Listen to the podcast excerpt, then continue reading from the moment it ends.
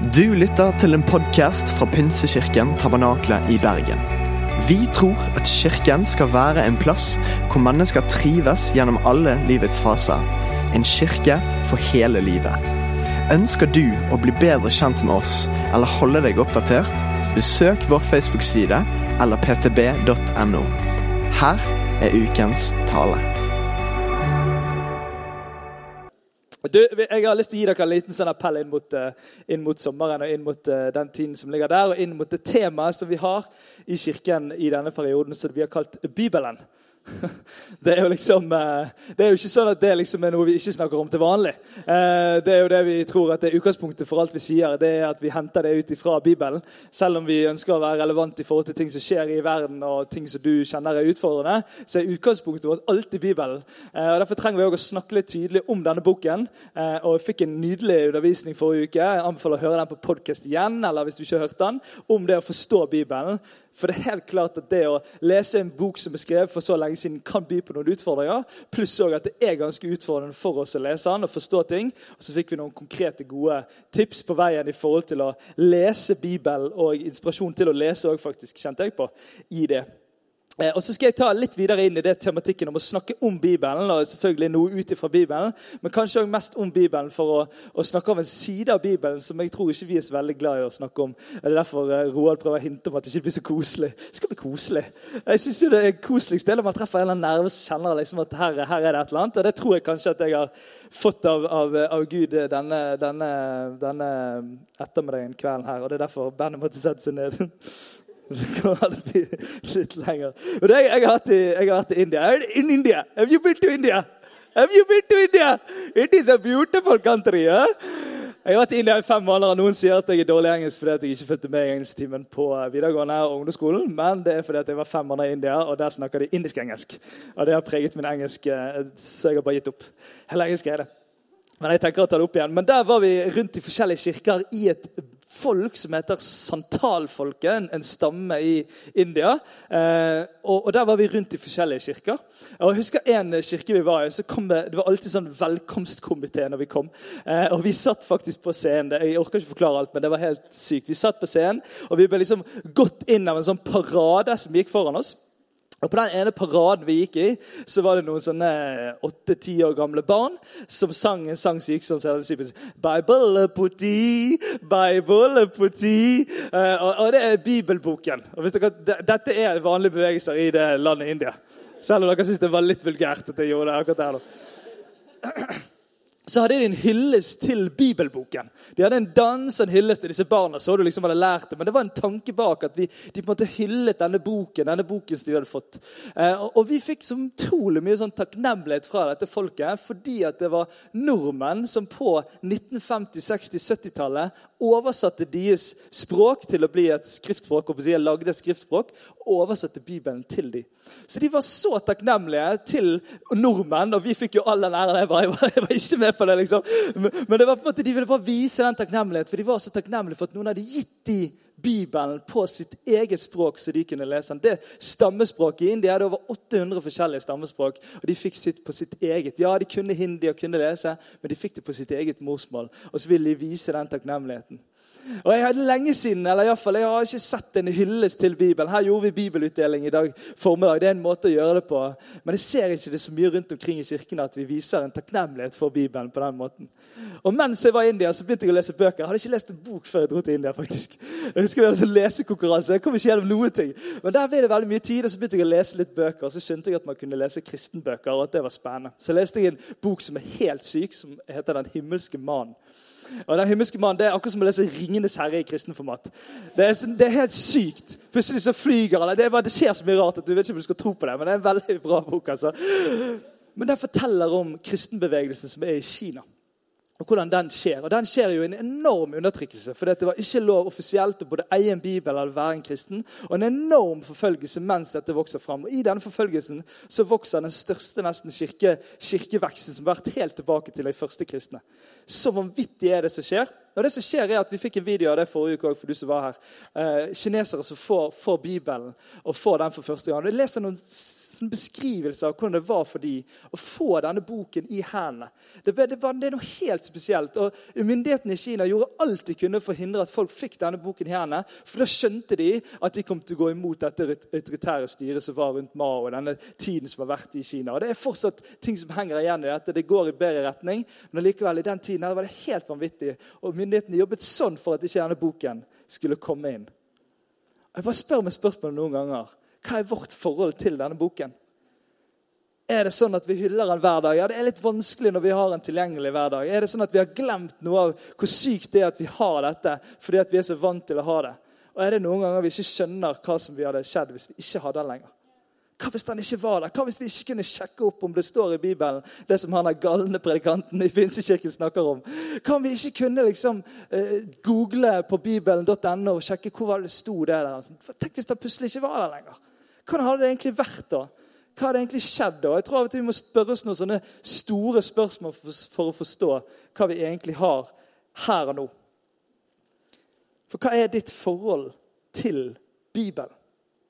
Jeg vet ikke om du har vært kristen lenge. Jeg vet ikke om du er kristen engang. Du er veldig velkommen til å være her hvis ikke du er det. Vi tror at det er sånn det skal være når kristne er samlet. Men hva er ditt forhold til dette? liksom? Er det noe som liksom Har du tenkt over hva du tenker om Bibelen? Vi har blitt veldig opptatt av vårt forhold til Gud. sant?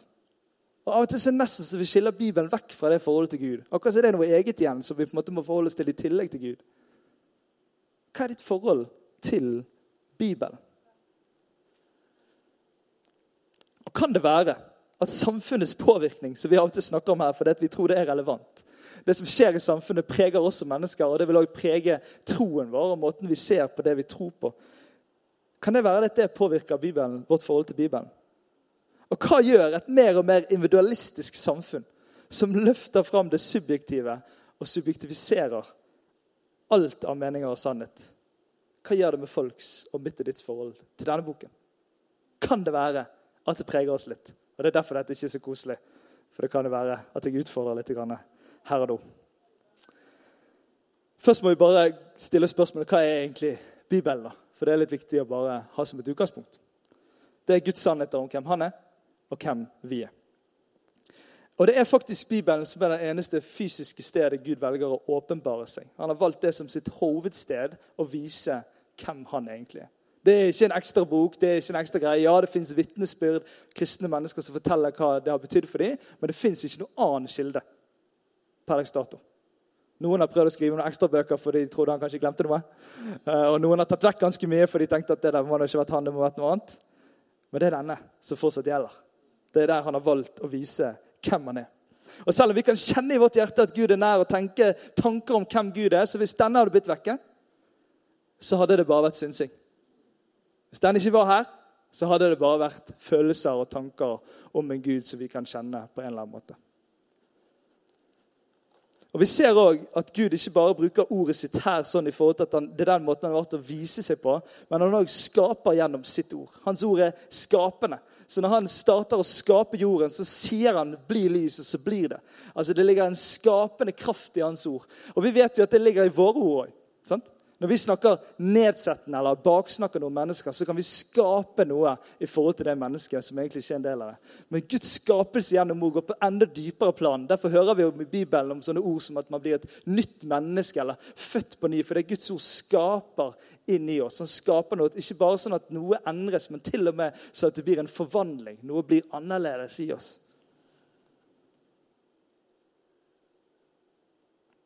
Og så forteller Gud i Bibelen sin vilje for mennesker og verden.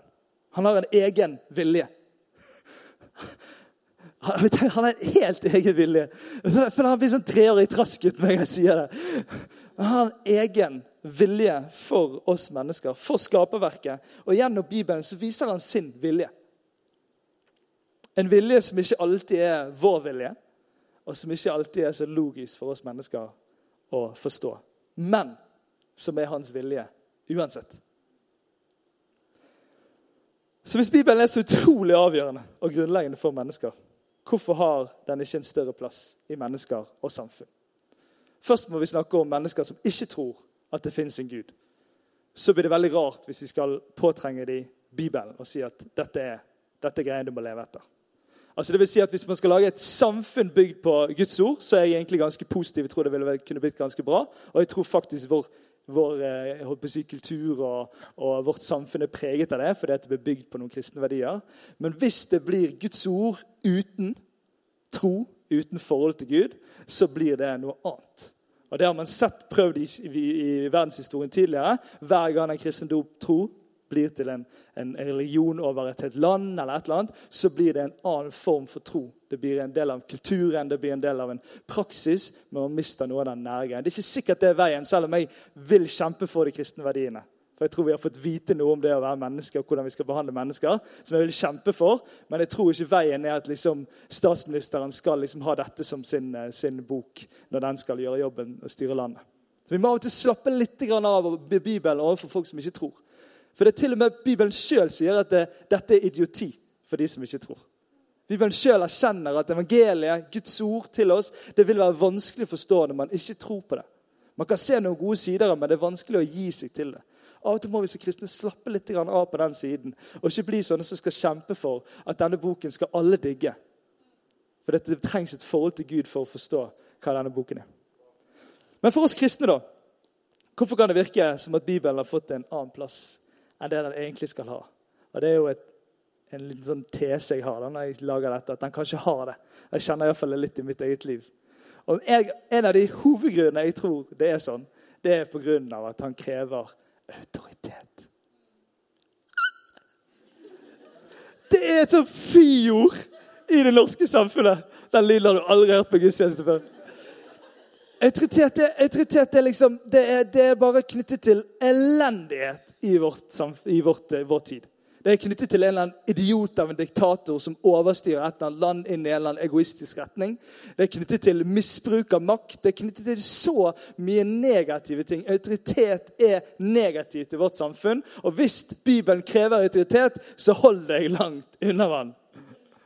Men jeg har lyst til å plukke litt fra hverandre for deg hva autoritet er.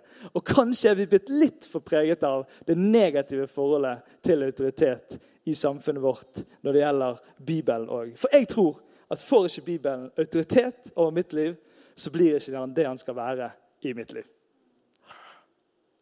Du er kommet til en sekt som heter Pinsekirken. Velkommen. Jeg tuller, men det blir litt voldsomt. Jeg kommer til å kjenne på, Det er ikke det. Vi er en vanlig kirke. For meg. Kom og snakk med meg etterpå hvis du syns det var litt voldsomt. Finnes det noe positivt med autoritet? Ja. Jeg er veldig glad for at jeg har litt autoritet over mine barn. Jeg føler ikke det er veldig mye alltid, men jeg tror det, er bra at jeg har litt. Det kjenner jeg på. Det er noe positivt her. Men la oss prøve å skille mellom hva som er negativ og positiv, positiv autoritet. Okay? Negativ autoritet den tar og tvinger til seg autoriteten.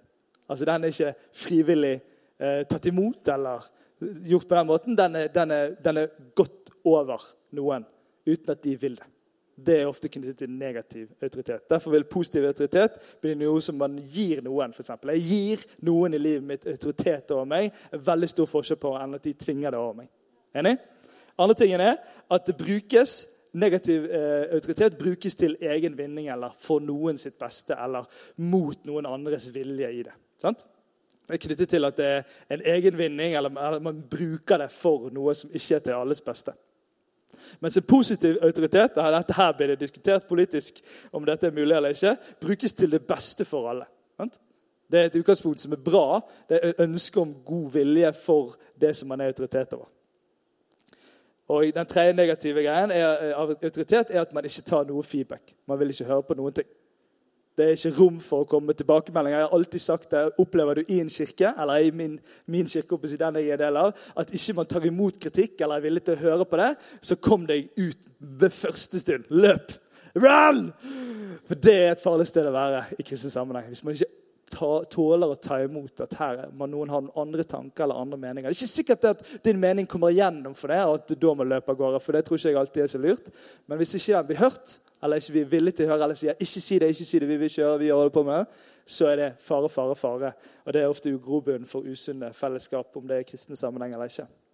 Mens positiv autoritet tåler feedback og ønsker feedback. Skaper rom for det. Og Vi må jo være ærlige og si at Bibelen har vært brukt både som positiv autoritet og som negativ autoritet. Den har vært brukt på den negative måten av det å være en autoritet overfor folk. har, herskere har brukt den til å, til å, lede et folk med dårlige hensikter. Det har vært misbruk av Jesu navnet når det gjelder autoritet og makt. Men hvis man ser på hva Bibelen egentlig ønsker å være, så har den positiv autoritet. Jo, fordi at mennesket selv, jeg må selv, du må selv velge å la det bli en autoritet over livet ditt. Det blir ikke det før du lar det bli det. Skjønner du? Det er en veldig stor forskjell om det hadde bare blitt over meg, og så må jeg forholde det til, eller at jeg sier ja, jeg ser denne boken, jeg ser denne, denne, sannheten, jeg ser denne, dette budskapet. Jeg velger å sette det over livet mitt som en autoritet, istedenfor at det presses over meg. Det er helt utgangspunktet og hele grunnkjernen av skapelsen av det å være menneske, at Gud skaper med fri vilje som mennesket kan velge, sånn at det kan være reell kjærlighetskontakt. All right? Andre tingen er at Gud har sin gode vilje over alle mennesker. og derfor så, Når vi går under hans autoritet, så er ikke hans vilje å misbruke oss til et eller annet eget prosjekt som han har. Nei, Han har en god vilje for alle mennesker. Hvis det er god vilje for deg, så er det god vilje for andre mennesker. Sånn er det. Det er en sammenheng mellom det. Hans gode vilje for oss og for andre mennesker. Og Den tredje tingen er at Bibelen åpner opp for massiv kritikk og klage og frustrasjon over dette over dette budskapet, over 'hvorfor er du ikke her, Gud?' Og hele klagesangen roper ut en sånn del av Bibelen og budskapet. At det er rom for det.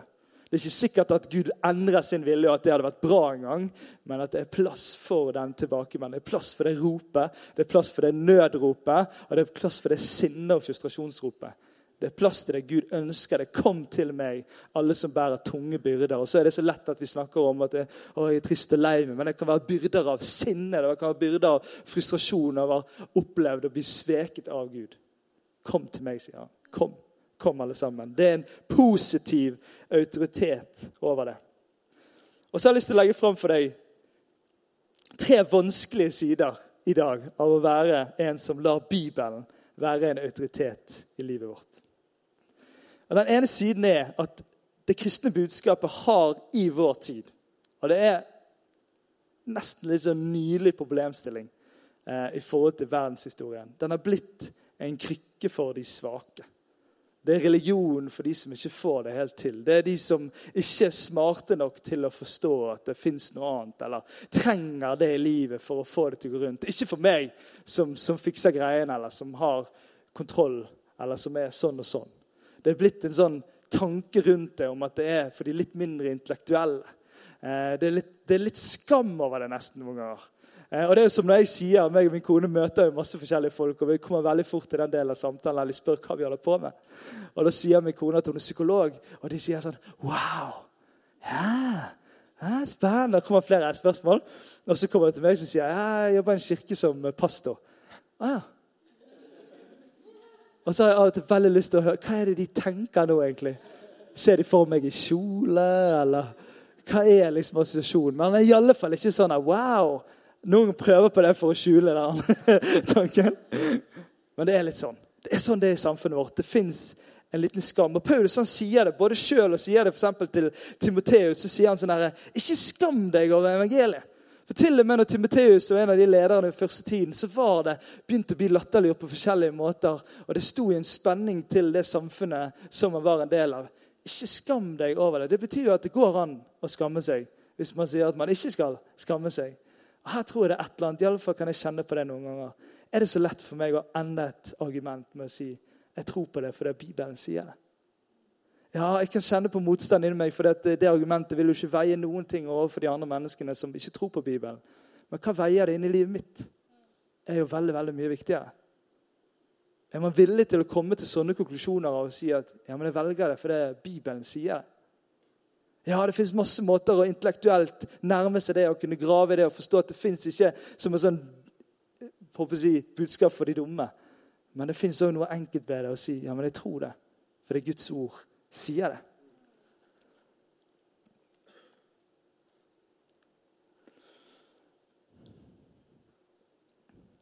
Og det er helt klart at Når samfunnet sier at all mening som du skal ha, skal være individuell, subjektiv, så er det ganske tøft å si at man tror på en objektiv sannhet. Jeg har en syk setning jeg skal lese for dere. Eller har vi latt samfunnets subjektive, subjektive sannhetstyranni styre oss også slik at vi ikke tør å sette en objektiv sannhet over livet? Det var så voldsomt at dere tok han ikke. Men det er sånn det er i vårt samfunn. Subjektiviteten råder, og det er ikke kult å si at jeg tror på noe objektivt som gjelder alle mennesker. Og så er det sånn at Når vi blir litt sånn usikre på dette, så begynner vi å hjelpe Guds ord litt. Så begynner vi som forkynnere å legge litt ekstra til og selge det litt ekstra. For det treffer jo ikke helt samfunnet nå, eller det er litt usikkerhet. Så ender vi opp med å gjøre liksom jobben for Guds ord. Jeg fikk undervisning av en som heter Sigmund Evensen på bibelskole. Han reiste til Papua Ny-Guinea som første misjonær dertil. De hadde ikke sett hvite folk før, så de kalte bare hvit-rumpen. Og så kom han til det folket. Han skulle være der lenge. og han eneste han gjorde, var å oversette Bibelen med dem.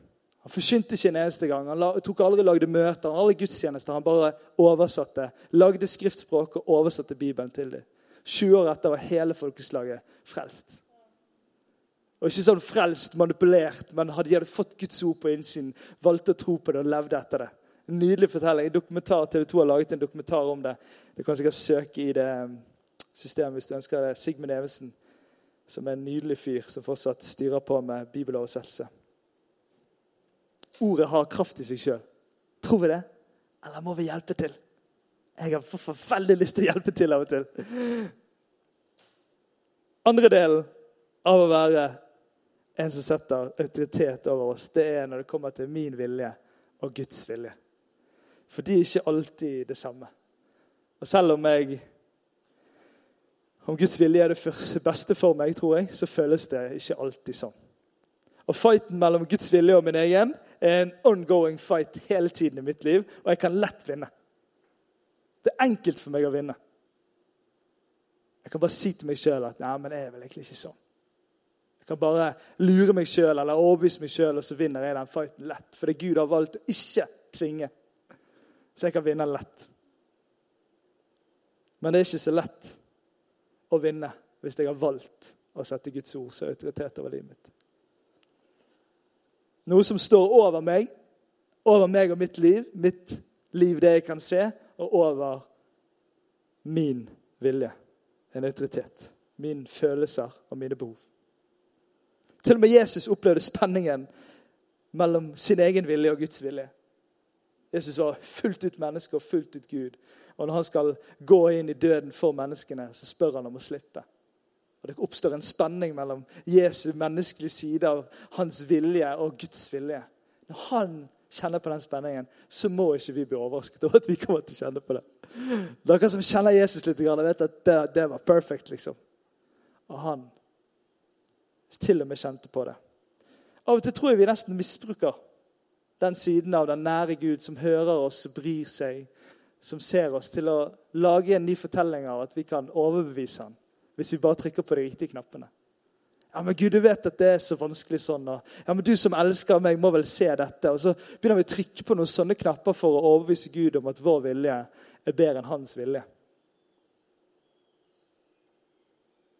Kanskje tror vi det til og med fins en mulighet for kompromiss, som er veldig populært i vårt demokratiske samfunn. Det er liksom the perfect way to solve a problem kompromiss. Ingen blir fornøyd. Nei, nei, jeg er ikke så fan av kompromiss alltid. Det må til. det må til. Jeg tror ikke det fins noe kompromiss. Hvis det hadde vært et kompromiss mellom min vilje og Guds vilje, så hadde Guds vilje sett veldig annerledes ut i mitt liv. Ja, han hører på det. Ja, jeg vil fortelle han det. Jeg vil rope til han og si ja, men jeg tror, og jeg kjenner på, og jeg ser. Men det er ikke sikkert at det beste fra Guds side er å endre på sin vilje overfor livet mitt. For du vet at det er det som er ekte kjærlighet. Når man står på det selv om det gjør vondt. Det er de vennene du vil ha, ikke de som sier hva du vil høre, men hva du trenger å høre. Trine Skau synger en nydelig sang om å ha folk i livet som holder deg våken når du kjører. Og Det er et eller annet nydelig dypt i det om at vi trenger folk som vekker det litt. Så tør å si det. Og Guds vilje vil være sånn inn i livet vårt hvis vi velger å gi den en autoritet inni oss. Over oss.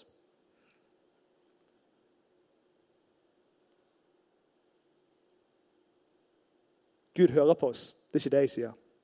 Men det er ikke sikkert at målet med at Gud skal endre vilje, kommer til å nå igjennom.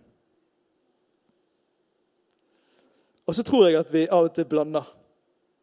Eller ikke blander, men vi snakker om Bibelen her, og så snakker vi om Gud der. Og så er Gud noe, og så er Bibelen noe. Og så ender vi opp med å tenke av og til på Gud utenom Bibelen.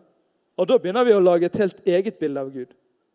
Veldig mange har et litt sånn langdistanseforelskelseforhold til Gud. Der man liksom kan forme den akkurat sånn som man vil, fordi man kjenner ikke den så godt.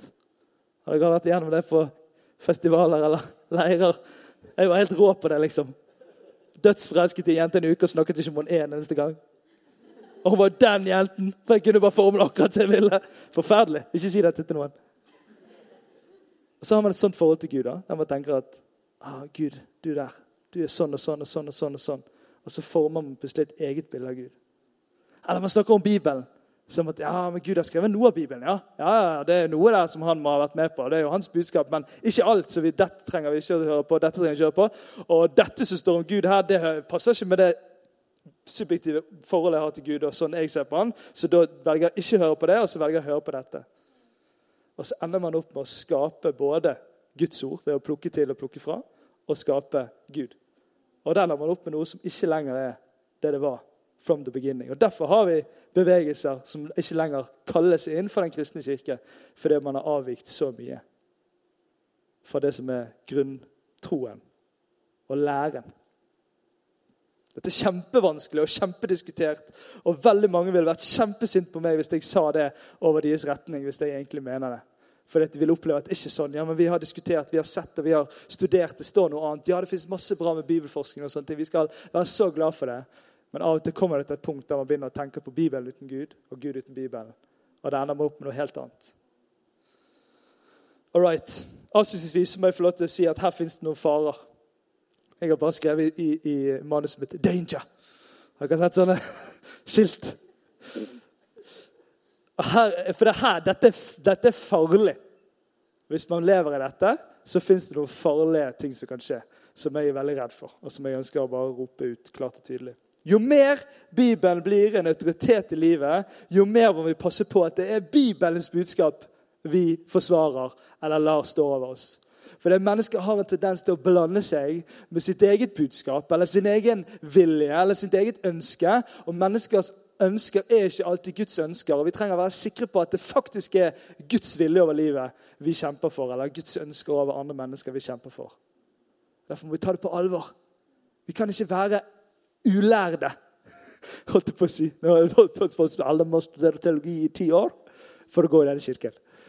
Ja, vi kan ikke bare tenke at ja, men jeg håper det går bra. liksom. Vi må ta det på alvor. Vi må sjekke ut. Vi må gjøre som Ariel sa forrige uke. Vi må gå og spørre noen som har gått litt lenger. Hva har du sett i dette? Hva tenker du i dette? Vi må tørre å grave. Vi må kjempe litt i dette. Ellers er jeg redd for at ting skjer. Avholdsbevegelsen i det norske samfunnet har vært sånn der man har sagt at fordi at det står noe i Bibelen om å være forsiktig med alkohol, så har man sagt at Bibelens budskap er at du skal være totalavholds uansett. Og så har man ropt det ut og så har man stått med Bibelen og sagt at dette er Bibelens budskap, og så har det ikke skapt masse utfordringer. For er det egentlig Bibelens budskap at man bare kan være helt avholds? Skal ikke ta den diskusjonen her, men det er noe her som har skjedd. Det samme gjelder i, i homofobien i kristen setting. Man har ropt ut Sett deg! Hei, hei, hei! Og så har ikke man hatt helt på det rene hva er det man roper egentlig, og hva er det man sier. Og så har man såret så fryktelig mange mennesker. Fordi at man har stått med Bibelen og sagt 'dette står', og så er man ikke helt sikker på om det er det det egentlig står. Og så fins det noe der. Og det tar meg videre til siste punkt. er at Hvis Bibelen skal være autoritet i livet, så må vi skjønne hvilken autoritet Gud er som er den Gud som elsker. Som er den Gud som ønsker mennesker, som er den Gud som ønsker at mennesker skal komme hjem til ham. Det er utgangspunktet for alt Gud skaper i kjærlighet.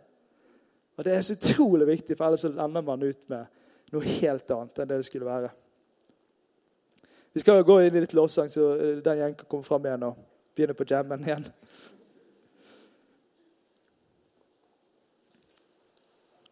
Og Jeg har å stille dette spørsmålet. Det like mye til meg sjøl. Jeg kjente det når jeg begynte å jobbe med dette. Det var derfor jeg kjente at det ble litt mer enn appell. For det traff noe både i meg og det traff noe i nervene av det å være en som tror.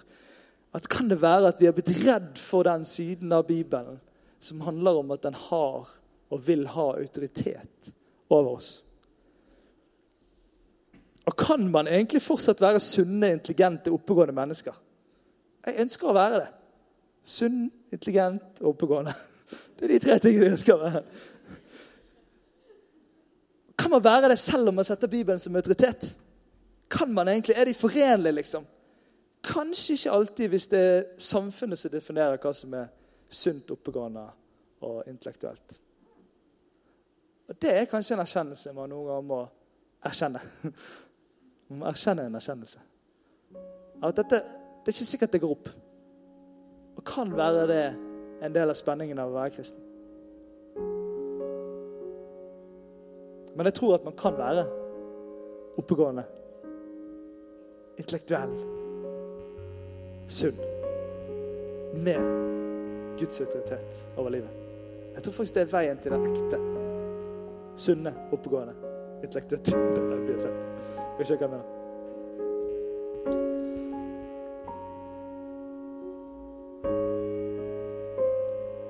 Men du vet at Bibelen blir ikke noe autoritet før den leses.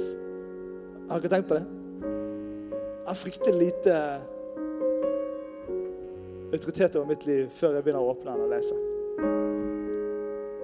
Så la oss lese det, folkens. La oss liksom bruke sommeren til å komme inn i noen vaner som faktisk er overkommelige når hverdagen begynner igjen. La oss fylle oss med det. La oss notere ned når det vrir seg inni deg. Hva er dette her, Gud? Hva er det du holder på med?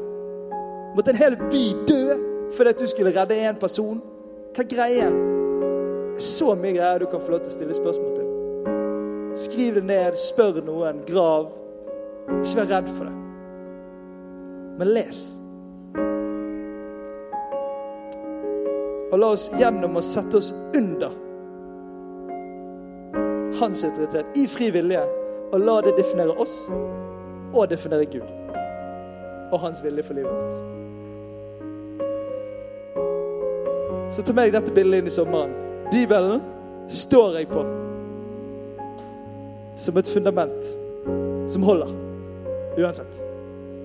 Det er det jeg står på i livet. Det er det jeg går på. Det er den sunne, gode, trygge grunnmuren som holder uansett storm, uansett indre konflikt, uansett hva som skjer.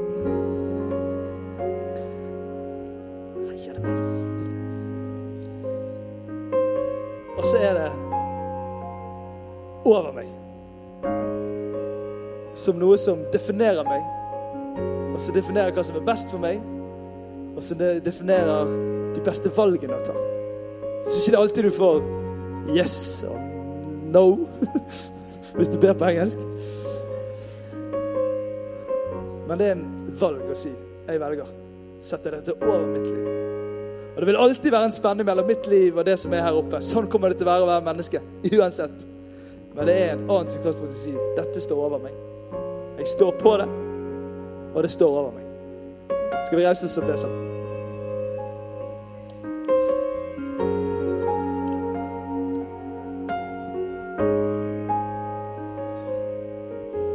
Jeg vet ikke om det er noe du har kjent på i forhold til dette med autoritet, men jeg har lyst til å be over det. Og jeg har lyst til at du skal kjenne på om det er ting som du ønsker å både legge fra deg, eller legge til Gud, eller rope til Gud. Her og nå, så når jeg ber, så ikke tenk så fryktelig mye på hva jeg ber, men, men la, la, det være noe som jeg får lov til å be over deg. Men, men la det være en stund mellom deg og Gud. Der du, du, kjenner på hva er dette Hva er Bibelen for meg? Hva vil jeg at han skal være for meg? Og er jeg villig til å la han være det han sier han vil være? Takk, gode Gud, for ditt ord til oss. Takk for at det er din måte å vise hvem du er, og hvem vi er. Takk for at du har en god vilje for oss. Du vet det beste for oss mennesker. Og da ber jeg om at, eh, om at vi skal oppdage igjen sunn autoritet i dette. Jeg bare ber om at vi skal ta vekk av all fortelling av, av, det som preger oss i samfunnet av dette her, eller om det er ting som preger oss i fortellingen som vi har bak oss, Herre. Men jeg bare ber om at vi kan få lov til å komme inn i et nytt utgangspunkt, en ny plass i forhold til ditt ord. Som vi står på, og som står over oss. Jeg ber om at du må inspirere til å la oss fylle med dette her. Jeg ber om at du må gi oss kraft til å leve i spenningen av å være en som tror på Bibelen, står på Bibelen og har den over oss her. Gi oss visdom til å, til å både svare og til å stå i det når det blir vanskelig og uklart. Og gi oss ydmykhet, Herre, så vi forstår vår egen plass, så at vi kan hjelpe andre inn på samme plass. Så takker jeg deg for ditt ord til oss. Jeg ber om en sommer fylt av lesing. Kritisk lesing, oppbyggelig lesning. Lesning preget av at Din Hellige Ånd viser oss hva som står. Jeg ber om lesing. For de som liker å lese, for de som ikke liker å lese, for de som har lest mye, for de som har lest lite. I ditt navn, Jesus, du kjenner hva dette treffer i menneskers liv. Og så løfter vi opp ditt navn, Jesus, i tilbedelse. Du som har gjort alt for oss, og du som kan gi oss alt vi trenger.